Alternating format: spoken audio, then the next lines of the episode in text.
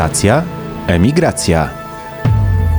Ilu mamy w Polsce uchodźców? Z jakich krajów do nas przybywają? Jakie warunki trzeba spełnić, żeby dostać status uchodźcy? Czy kryzys migracyjny skończył się? Czy też mamy do czynienia z jego nową odsłoną? Jak świat pomaga uchodźcom? Czy państwa stają na wysokości zadania? Czy też muszą wyręczać je organizacje pozarządowe? Polska, Ukraina, Syria, Jemen, Afganistan i Kolumbia. Wszędzie tam zajrzymy w specjalnym odcinku podcastu. Stacja Emigracja. Dzień dobry, to jest Stacja Emigracja, podcast Muzeum Emigracji w Gdyni. Przy mikrofonie Maciej Bąk. Kłaniam się Wam nisko przy okazji odcinka specjalnego. Mamy już za sobą 8 odcinków pierwszego sezonu. Ósmy właściwie był y, finałem tego sezonu, ale dzisiaj mamy wyjątkową okazję, więc e, postanowiliśmy zaprosić Was na odcinek specjalny. Specjalny, bo mamy dzisiaj specjalny dzień. 20 czerwca to Światowy Dzień Uchodźcy. Tak się składa, że 4 grudnia będziemy obchodzili 20. rocznicę ustanowienia e, tego dnia. Mm, w związku z tym chcielibyśmy o uchodźcach, e, o ich losie, o bieżących sprawach związanych z uchodźcami porozmawiać z naszym gościem. E, witam serdecznie doktora Pawła Cywińskiego z Uniwersytetu Warszawskiego, współtwórcę portalu Uchodźcy Info. Cześć Pawle. Witam serdecznie. Bardzo się cieszę, że zgodziłeś się e, porozmawiać z nami w tym wyjątkowym dniu. Tematyka, w której się specjalizujesz, ale też tematyka trudna, często budząca emocje, tym bardziej wymagająca e, wyjaśnienia, jak najczęstszego edukowania Polaków e, w tym temacie. Chciałbym zacząć od może dość konkretnego pytania, ale wyjdziemy z tego pytania w różne kierunki. Ilu właściwie w Polsce mamy w tej chwili uchodźców? To jest bardzo trudne pytanie, ponieważ e, do końca nie wiemy. E, wiemy, że mniej więcej od e, lat 90., czyli już trzeciej RP, przez Polskę przewinęło się trochę ponad 150 tysięcy osób proszących w Polsce o ochronę międzynarodową. Wiemy również, ile osób, ile wniosków co roku spływa do e, Urzędu do Spraw Cudzoziemców. W 2016 roku to było 12 tysięcy wniosków, a e, od 2017 roku mamy stopniowo coraz mniej tych wniosków składanych przez osoby, które chcą się w Polsce ubiegać o ochronę i to jest 5 e, tysięcy, a potem w 18 i 19 to już są po 4 tysiące osób wniosków rocznie. A ile tych no wniosków jest akceptowanych? No więc e, to może jeszcze dla porównania przypomnę 12 tysięcy, potem będzie 5 tysięcy, 4 tysiące, 4 tysiące to, są, to jest liczba wniosków. Natomiast e, jeśli chodzi o akceptację, to e, w tym roku, w 2016 roku, w którym żeśmy mieli 12 tysięcy wniosków, zaakceptowano 390 osób. E, potem w 2017 500 osób, w 2018 434 osoby i w 2019, czyli w zeszłym roku 272 osoby otrzymały w Polsce status uchodźcy. Czyli coraz mniej Czyli procencik, wniosków, malutki procencik. Tak, I coraz e, mniej też akceptowanych tych wniosków. Powiedz, e, skąd pochodzą żyjący w Polsce uchodźcy?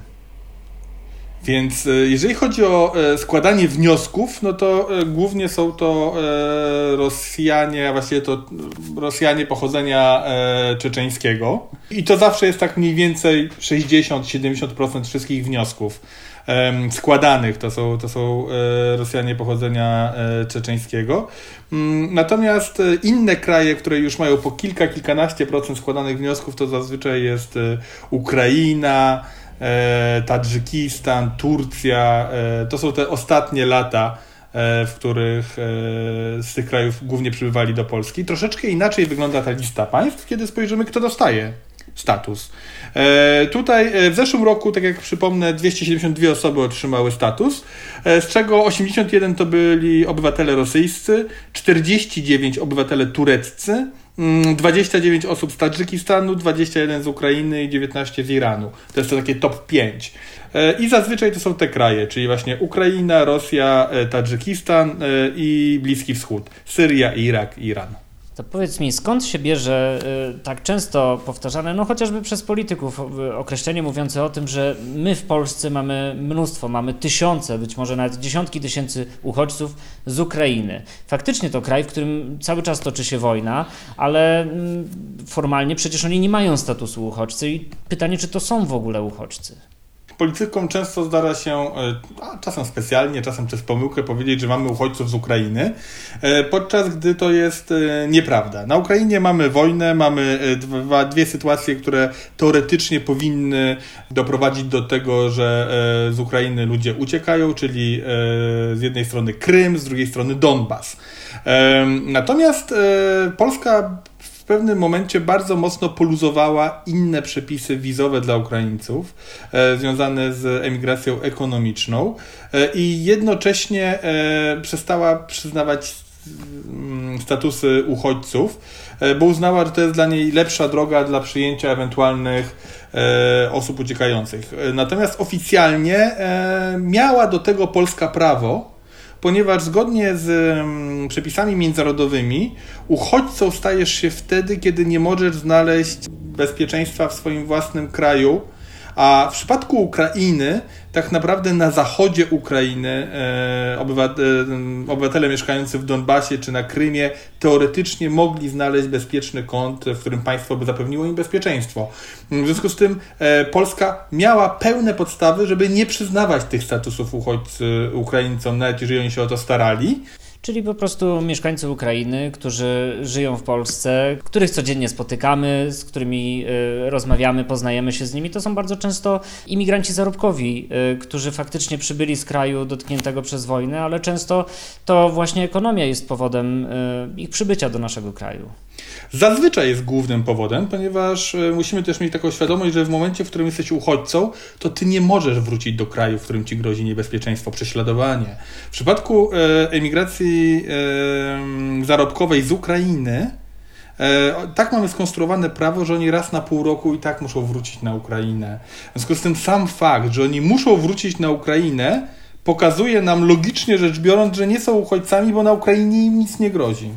W takim razie, skoro mamy już ten wstęp za sobą, to chciałbym się Ciebie zapytać o taką bardzo konkretną y, definicję, której będziemy się trzymać przez całą rozmowę. Uchodźca, czyli kto? Czyli osoba mająca jakie prawa, osoba, osoba w jaki sposób y, chroniona, y, co po prostu charakteryzuje y, osobę o takim statusie? Najprościej i tak naprawdę to jest jakby jedyne chyba słuszne źródło definicyjne e, jest odwołać się do konwencji geneskiej z 1951 roku. To jest taka konwencja, która powstała, e, konwencja UNHCR-u, E, która powstała mm, po nie, jakby w wyniku e, znalezienia się e, bardzo dużej liczby uchodźców po II wojnie światowej w Europie. I w momencie, w którym podpisano tą konwencję genewską, zaczęto tak naprawdę traktować definicję uchodźstw uchodźstwa e, prawną jako tą najbardziej obowiązującą. E, I e, może po prostu przeczytam, a za chwileczkę powiem, co jest najważniejsze w tej, uchodź- w tej definicji. Natomiast uchodźca, zgodnie z konwencją genewską, to jest taka osoba, która na skutek uzasadnionej obawy przed prześladowaniem z powodu swojej rasy, religii, narodowości, przekonań politycznych lub przynależności do określonej grupy społecznej, zmuszona była opuścić kraj pochodzenia oraz która z powodu tych obaw nie może lub nie chce korzystać z ochrony swego kraju. I w tej definicji mamy mm, dwie, dwa kluczowe elementy. Pierwsze to jest słowo prześladowanie. Czyli to jest osoba, która jest albo jest prześladowany, albo obawia się prześladowania. tutaj mamy bardzo wiele przesłanek e, dotyczących tego, że to może być rasa, religia i tak dalej. Mm, I to jest e, pierwsze utrudnienie, bo trudno jest powiedzieć do końca, co to jest prześladowanie. Zazwyczaj urzędnicy w różnych krajach różnie to definiują. No ale jakby pierwsza przesłanka to jest uchodźca, to jest ktoś, kto jest prześladowany. Druga przesłanka to jest ochrona swojego kraju. Czyli um, to jest osoba, która jest nie tylko prześladowana, ale jej państwo nie jest w stanie zapewnić jej e, ochrony. Czyli jeżeli mamy na przykład kobietę z Egiptu, która miała jakiś e, problem e, w związku małżeńskim, musiała się rozwieść, musiała uciec stamtąd, e, dlatego że była prześladowana za ten rozwód, a jej mąż był wysoko postawionym, postawionym urzędnikiem, w związku z tym gdziekolwiek w Egipcie ona by się skryła, to mąż by się dowiedział, gdzie ona jest, to to jest sytuacja, w której rzeczywiście ona była prześladowana, z jednej strony, a z drugiej strony e, jej państwo nie było w stanie jej zapewnić ochrony, ponieważ jej e, potencjalny oprawca mógł się łatwo z, dowiedzieć, gdzie ta osoba jest. E, w związku z tym to jest definicja jakby z grubsza uchodźcy, ale musimy mieć świadomość, że ona pochodzi z 51 roku zeszłego wieku czyli jest głęboko niewystarczająca dla współczesności, bo mamy bardzo wiele sytuacji, w których ta definicja okazuje się e, zbyt wąska, mimo że jest, e, że posiada tak e, niejednoznaczne słowo jak prześladowanie, jako główny warunek bycia uchodźcą ale mimo wszystko w latach 50. ubiegłego wieku powstała ta definicja, no i bardzo dobrze, że powstała, bo przecież zjawisko uchodźstwa y, no, jest z nami od wieków. Y, zresztą y, ta definicja powstała kilka lat po II wojnie światowej, kiedy prześladowania no, osiągnęły swoje apogeum. No, wcześniej uchodźstwo było czym, skoro nie było jego definicji? W sensie w różnych okresach historycznych różne grupy etniczne, religijne, jednostki znajdujące się w opozycji do władzy w swoich państwach e, znajdowały azyle na terytorium różnych państw, w tym również na terytorium Rzeczpospolitej, na przykład Tatarzy, są e, świetnym przykładem takiej grupy azylantów, którzy osiedlili się głównie w okolicach Wilna i Trok. E, natomiast rzeczywiście mieliśmy do czynienia z azylami, które bardzo były często przyznawane uznaniowo przez władze. Dana grupa na przykład była przyjmowana, tak jak rosyjscy uchodźcy na początku XX wieku. Polska przyjęła wtedy około 100-120 tysięcy uchodźców uciekających przed rządami bolszewików. Natomiast e, po I wojnie światowej zaczynały się pojawiać pewne e, międzynarodowe instytucje już chroniące uchodźców i e, próbujące nadać jakby pewien zinstytucjonalizowany, e, zinstytucjonalizowaną ochronę, ale dopiero po II wojnie światowej, które tak naprawdę e, wydarzenia wtedy doprowadziły do przekonania opinii publicznej do tego, że zjawisko uchodźstwa stanie się stałym elementem rzeczywistości społecznej powojennego świata, spowodowały, że w 1949 roku powołano Wysokiego Komisarza do Spraw Uchodźców czyli UNHCR, a w 1951 właśnie podpisano konwencję, która notabene, co jest ciekawe, przez pierwsze e, kilkanaście lat dotyczyła wyłącznie osób, e, które stały się uchodźcami zgodnie z, mm, z powodu II wojny światowej. Dopiero w 1967 roku podpisano tak zwane protokoły nowojorskie, które rozszerzyły kategorię uchodźców na wszystkich na świecie, czyli moglibyśmy powiedzieć dzisiaj zglobalizowali e, zglobalizowały tą definicję e, do wszystkich konfliktów, do wszystkich problemów i do wszystkich rodzajów prześladowań. Mamy 2020 rok, czyli minęły już dekady od tych czasów, o których mówisz, a słowo y, uchodźca wciąż budzi, a może dla niektórych coraz bardziej budzi emocje. Y, I pewnie powodów jest mnóstwo. Chciałbym Ciebie zapytać, dlaczego tak jest, że y, akurat zjawisko uchodźstwa, słowo uchodźca budzi nawet w naszym kraju tak skrajne emocje. Po pierwsze, dlatego, że uchodźca jest obcy z zasady, tak? Jest kimś innym, e, a inność e, jest, e, że tak powiem, z założenia wręcz biologicznie czymś nienaturalnym, czego ludzie się boją i potrzebują tego innego do silnej identyfikacji, więc własnej osoby. Więc pierwsza rzecz to jest to, że jakby naturalnie łatwiej, kiedy szukamy kogoś, kogo można o coś oskarżyć albo kogo możemy się przestraszyć, to o wiele łatwiej jest znaleźć innego wśród obcokrajowców, wśród uchodźców. Druga rzecz to jest e, kwestia związana z kryzysem migracyjnym, który mniej więcej od 2014-2015 roku jest e, mm, na świecie, bo to jest globalny kryzys migracyjny. E, obecnie mamy około 70 milionów osób, które musiały uciekać z własnego z domu, z czego około 30 milionów na świecie to są uchodźcy. Reszta to są takie osoby, które szukały schronienia we własnym kraju.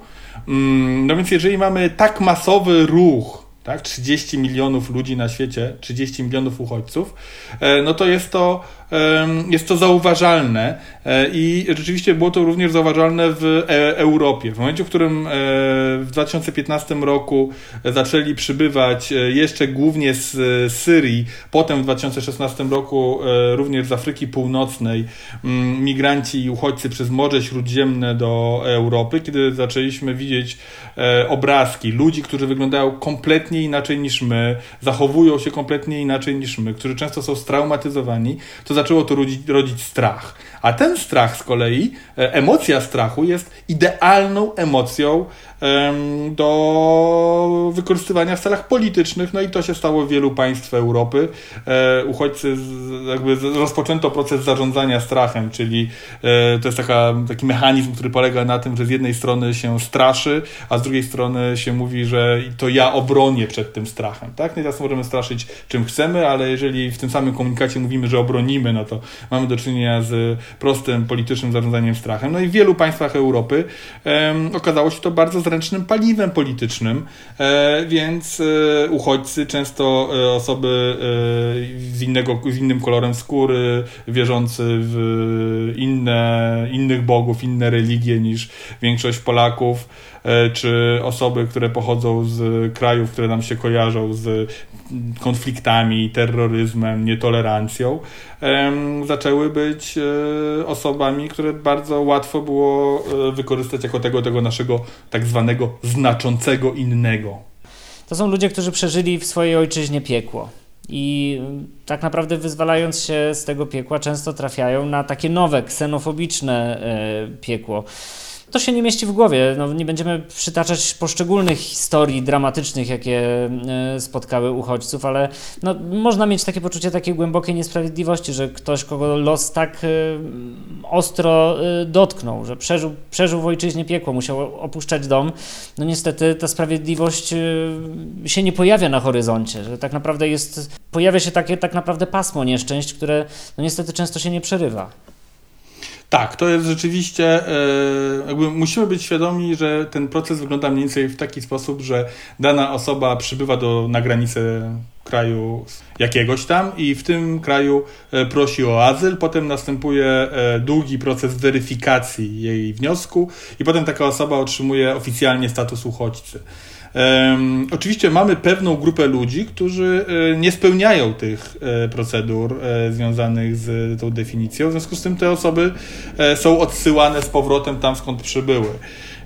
Natomiast w przypadku tego strachu przed uchodźcami, przed imigrantami, no rzeczywiście jest to bardzo powiązane z mm, opinią społeczną, którą można łatwo sterować. W przypadku Polski jest to o tyle przykre chyba mogę powiedzieć, że Polska, polskie ziemie bywały areną wojen, powstań na ogół e, przegranych, represji wymierzonych w mieszkającą ludność. E, I w konsekwencji, gdy mowa o polskiej historii, opada się zazwyczaj o tym, że dostajemy regularny łomot, tak? że ciągle obrywamy po kościach, dzięki czemu byliśmy, jakby stawialiśmy opór jako Polacy, ale również e, bardzo wiele Polaków wtedy uciekało i w związku z tym Polska jest krajem uchodźczym i polska kultura jest uchodźcza. E, czy my tego chcemy, czy nie chcemy. Nawet w hymnie polskim mamy nawiązanie, tak? Z ziemi włoskiej do Polski. Nawiązanie do osób, które uciekały z Polski przed prześladowaniami. E, I e, jakby w różnych okresach historycznych setki tysięcy Polaków uciekało i w związku z tym powinniśmy mieć wrażliwość na to, że nasze losy, że Polska jest, zwłaszcza ta polska XIX-wieczna kultura, to jest kultura pisana na uchodźstwie, Słowacki, Mickiewicz, to wszystko są wspaniałe dzieła, które po, powinny nas uczyć pewnej, pewnej wrażliwości na to, a niestety tak się nie dzieje, więc te miliony Polaków, które uciekały e, jeszcze nawet w latach 80. E, XX wieku za granicę e, i które spowodowały, że polska Polonia na świecie jest tak liczna, tak? Są jakimś takim wyrzutem sumienia przez ostatnie kilka lat, kiedy uchodźcy stali się tymi złymi. Ci, którzy z kolei chcieliby szukać ochrony w Polsce, bo tak się ułożył ich los. Pawle, e, wspominaliśmy e, o kryzysie migracyjnym lata 2014-2015. To jest niezwykle szeroki temat, e, pewnie na zupełnie odrębną rozmowę, żebyśmy opowiedzieli o wszystkich niuansach tamtych zdarzeń, ale mamy coś, co było nazywane na początku tego roku drugim kryzysem migracyjnym. Nie wiem, czy nadal jest tak nazywany, ale na początku tego roku znowu zaczęło się coś dziać na granicach Unii Europejskiej. Zaczęło się dziać za sprawą e, działań władz tureckich, za sprawą tego, co się działo w Syrii. No ale ten temat trochę przycichł z oczywistych powodów, ponieważ e, na początku marca świat zaczął się interesować czymś zupełnie innym, e, pandemią koronawirusa. No ale nawet jeżeli pojawia się tak globalny problem jak pandemia, to nie oznacza, że wszystkie inne problemy przestają istnieć. Co się w tej chwili dzieje w temacie tego, no, okrzczonego przynajmniej tak drugiego kryzysu migracyjnego? Być może nie ma, nie ma porównania, a być może jest.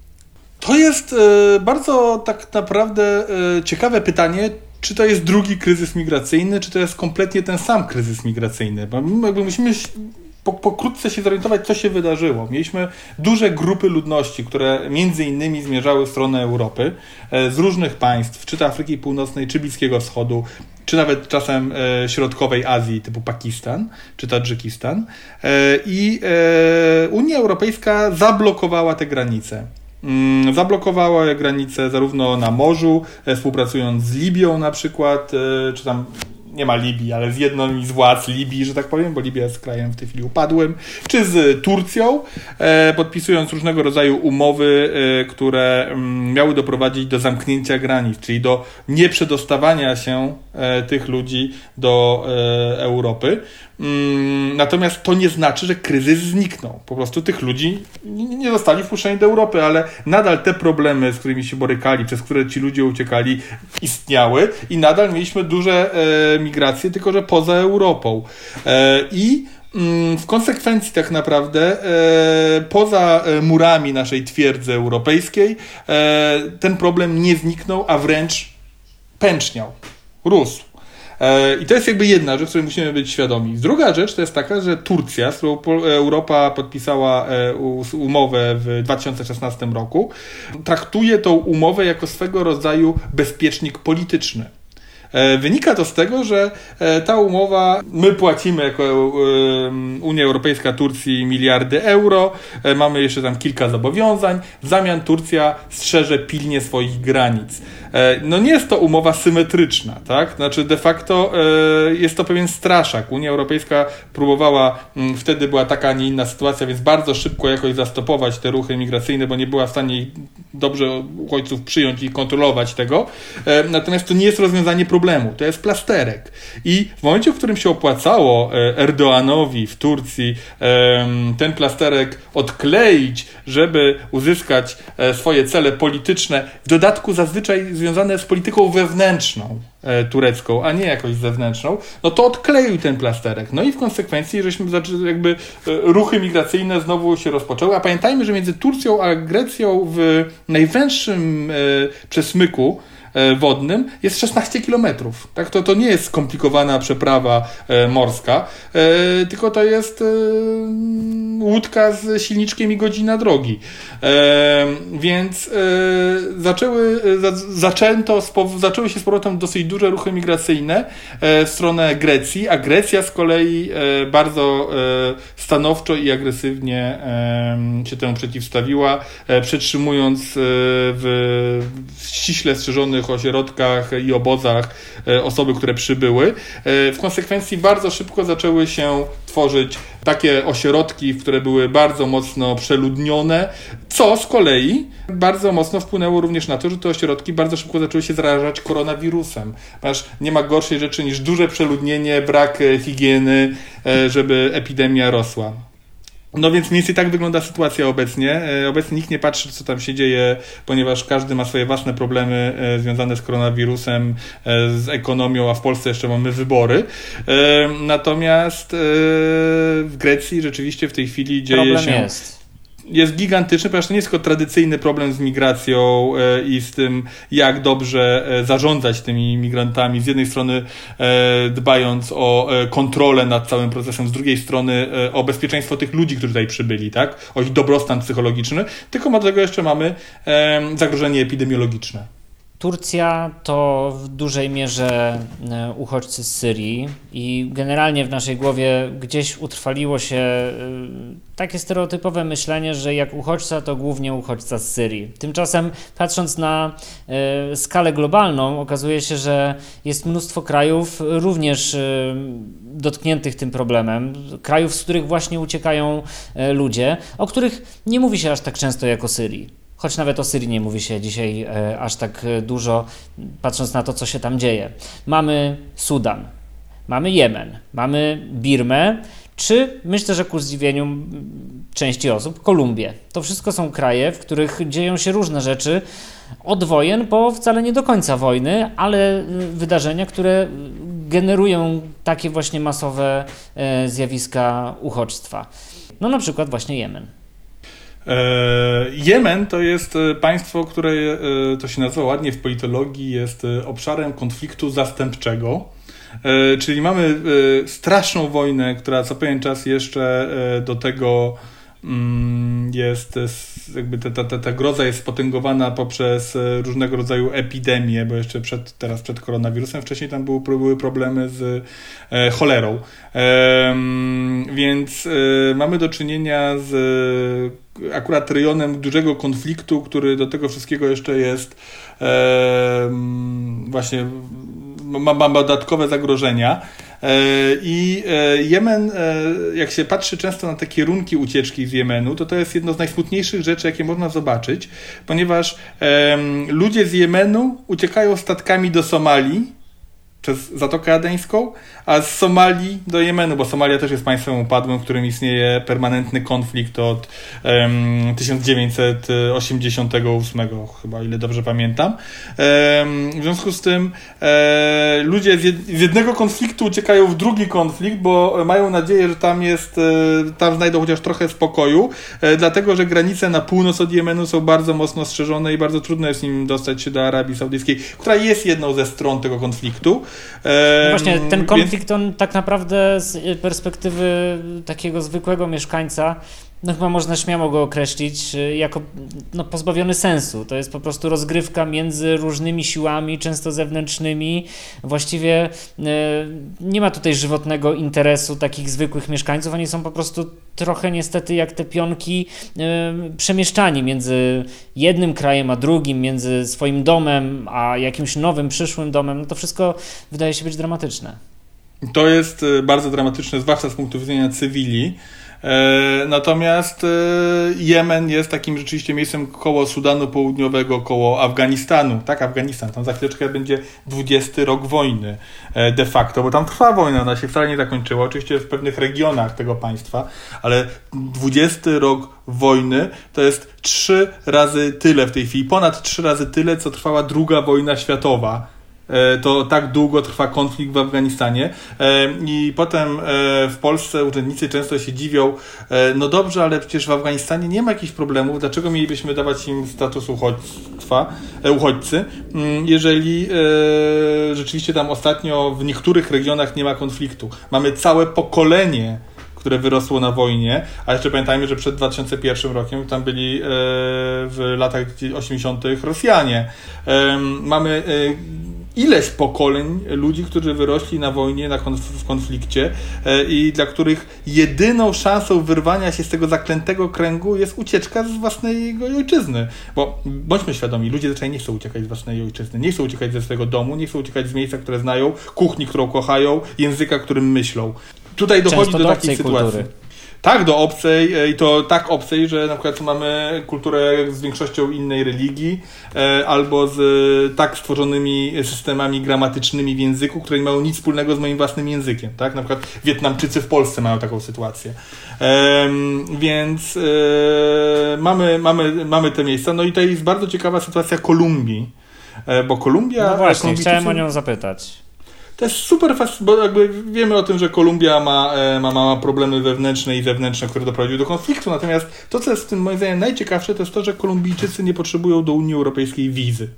A problem z uchodźcami jest taki, e, z Afryki Północnej czy z mm, Bliskiego Wschodu, że te osoby bardzo rzadko mają szansę w ogóle złożyć wniosek o status uchodźcy. Bo żeby złożyć wniosek o status uchodźcy, to nie można tego zrobić w konsulacie czy ambasadzie. Trzeba się stawić na granicy. E, w związku z tym, e, jeżeli są samoloty, do których nie wpuszczają bez wizy, no to jedyna ścieżka, jedyna możliwość to jest przepłynąć nielegalnie Morze Śródziemne. E, to oczywiście e, ryzykuje się śmiercią. Na początku tego roku co dziesiąta osoba ginęła w Morzu Śródziemnym, która próbowała e, przekroczyć Morze Śródziemne. Kolumbijczycy nie mają tego problemu. Wystarczy, że wsiądą w samolot i bez wizy są w stanie przylecieć do Europy i tutaj mogą złożyć wniosek o status uchodźcy. Dlatego też nagle okazało się, że w Hiszpanii na przykład coraz więcej przybywa, przybywało w pewnym momencie całkiem duża e, liczba e, Kolumbijczyków, która składała status, e, wnioski o status uchodźcy, do tego stopnia, że aż były jakieś plany, nie wiem na ile one się zrealizowały tych e, urzędników europejskich, którzy się strasznie boją uchodźców, żeby wycofać linie lotnicze, całe połączenia kasować, e, ponieważ e, byli przerażeni tą skalą napływu nowych wniosków uchodźczych. Ale to przyczyna, rozumiem, nie leży tutaj w jakimś takim dramatycznym, krwawym konflikcie. Znaczy, rozumiem, że Kolumbia jako kraj rozdarty, nie wiem, wojnami gangów to jest jedno, ale no nie jest to absolutnie e, sytuacja adekwatna, no chociażby do Afganistanu. Nie jest, ale też musimy pamiętać, że prześladowanie nie jedno ma imię e, i e, dla jednych jest to prześladowanie związane z wojną i konfliktem, a dla innych innego rodzaju prześladowania. Na przykład z Polski bardzo wiele, mówi tutaj o liczbach e, idących w setki osób, e, dostało status uchodźcy Polaków w Kanadzie już po wejściu Polski do Unii Europejskiej, tak? Czyli byśmy mogli powiedzieć, że przecież w Polsce nie ma żadnego prześladowania, zwłaszcza kiedy jesteśmy w Unii Europejskiej. A jednak w Kanadzie 400 ileś osób, o ile pamiętam, z Polski dostało ten status uchodźcy. Kto to był? To były głównie dwie grupy Polaków prześladowanych. Pierwsza to byli um, homoseksualiści i zwłaszcza jeszcze 10-15 lat temu. Druga grupa to byli Romowie, którzy e, byli napadani, szli na policję, zgłaszali w Polsce ten problem, dalej byli napadani, znowu szli na policję i nic się nie działo. I oni byli w stanie udowodnić, że nie tylko byli prześladowani za to, że są Romami, ale że Polska nie jest w stanie ich ochronić przed tym, bo oni to zgłaszali wielokrotnie, ale policja ich nie chroniła, co jest e, ewidentną przesłanką, żeby otrzymać status uchodźcy poza Polską. W związku z tym nawet taki kraj jak Polska jest w stanie produkować zgodnie z tą definicją uchodźców. E, chociaż, e, tak jak mówię, ta definicja jest niedoskonała, bo na przykład nie dotyka e, uchodźców klimatycznych. O właśnie. Wyczułeś dokładnie to, o co chcę zapytać, ponieważ to się działo zawsze, ale chyba wszyscy mamy wrażenie, że dzieje się coraz częściej z powodu różnego rodzaju klęsk żywiołowych. Ludzie no, muszą opuszczać swoje domy, bo na przykład ich miasta zostają zmuchnięte z powierzchni ziemi. E, co z takimi osobami? One czasami uciekają do innych części swojego kraju, czasami muszą e, szukać szczęścia już poza swoimi granicami. Czy tych ludzi w jakiś sposób można, no właśnie, przypisać do tej prawnej grupy uchodźców, czy absolutnie nie? No, w związku z tym, że nikt ich nie prześladuje, bo przyczyną nie są ludzie, tylko matka natura. To jest strasznie takie subiektywne tak naprawdę e, uznanie, czy oni są uchodźcami, czy nie. Są kraje, które w jakiś sposób przychylniej patrzą na konkretne grupy e, uchodźców. E, jest, jest to na przykład Nowa Zelandia, która przyjmuje osoby z takich państw jak Kiribati, czy innych państw Pacyfiku, którym grozi zalanie, bo E, bo na przykład państwo jest 3 metry nad poziomem morza, czy 2 metry nad poziomem morza i całe jest jednym wielkim jakimś atolem. No więc e, Nowa Zelandia przyjmuje takie państwa, e, takich uchodźców, ale zgodnie z prawem międzynarodowym mamy różnego rodzaju petycje, mamy różnego rodzaju plany wpisania tego w szersze prawodawstwo międzynarodowe.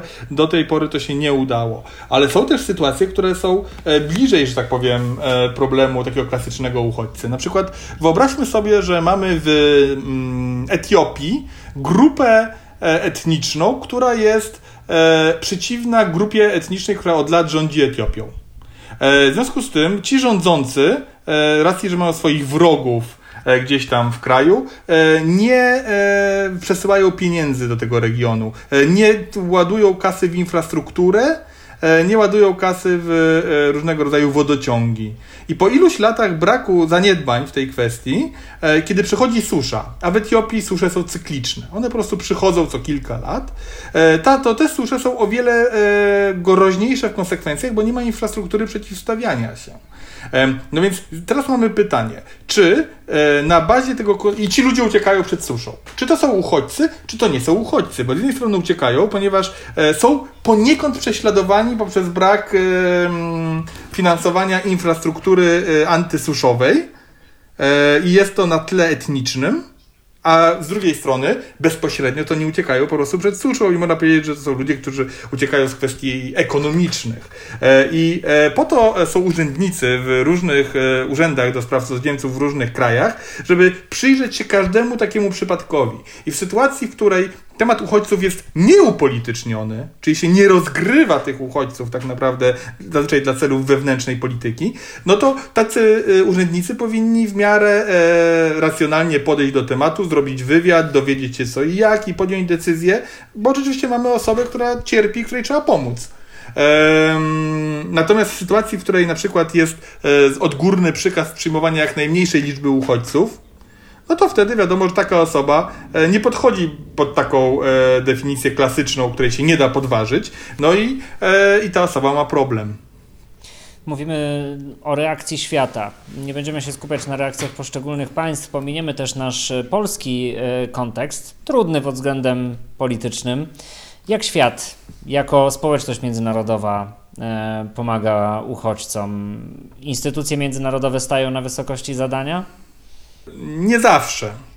E, To jest tak, że e, oczywiście mamy pewne instytucje, takie chociażby jak UNHCR oraz wielkie e, organizacje pozarządowe o zasięgu globalnym, które mm, pomagają. Natomiast bardzo często e, mamy tutaj do czynienia z różnego rodzajami e, kłód rzucanymi pod nogi.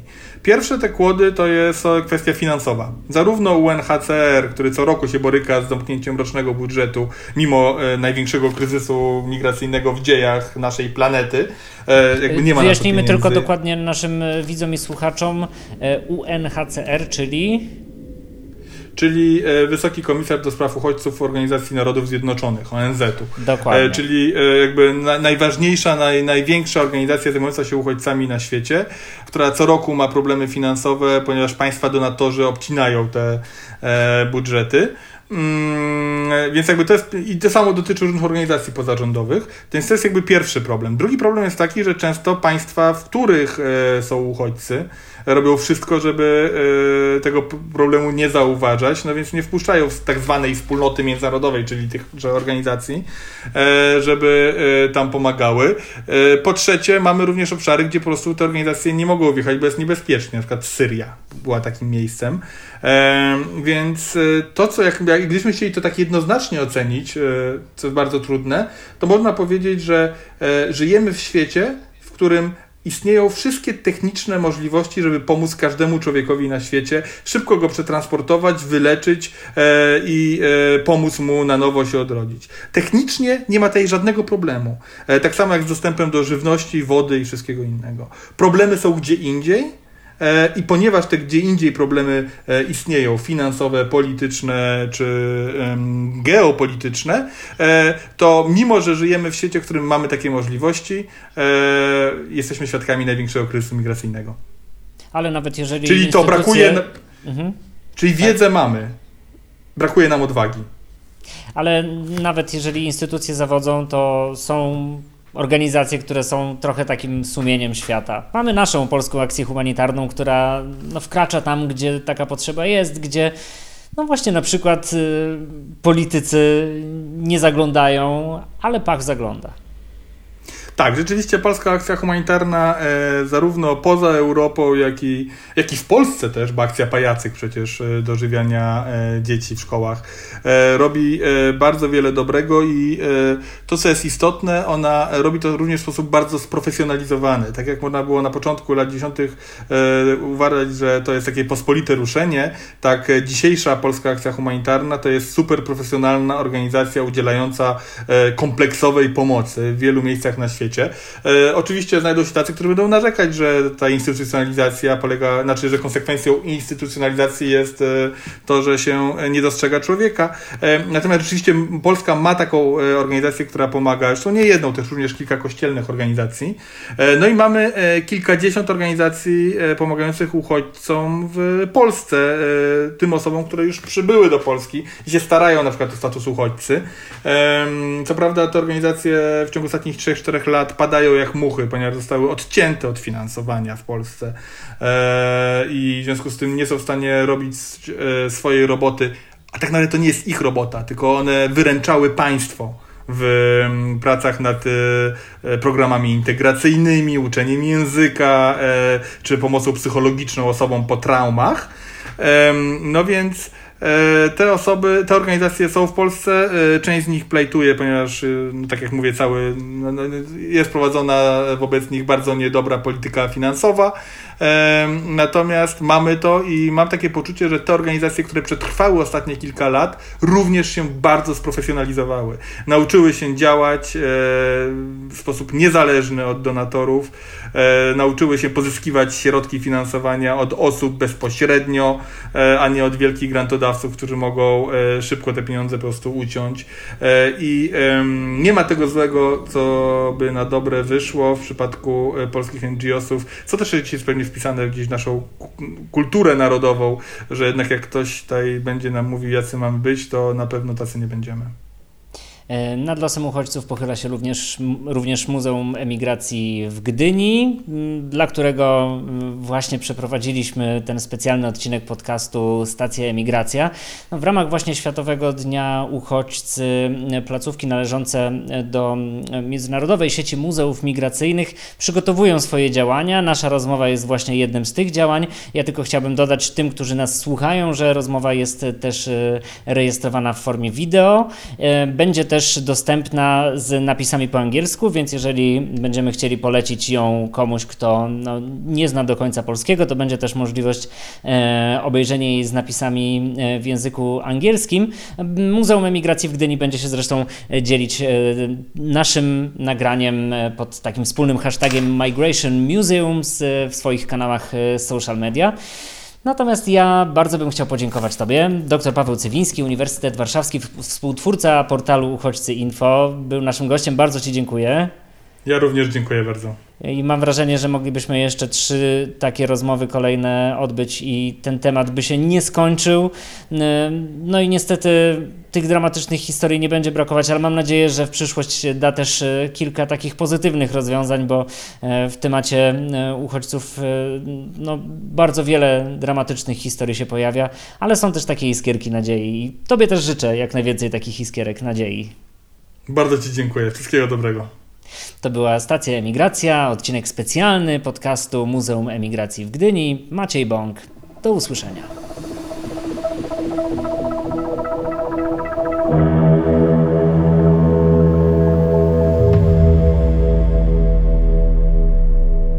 Stacja Emigracja.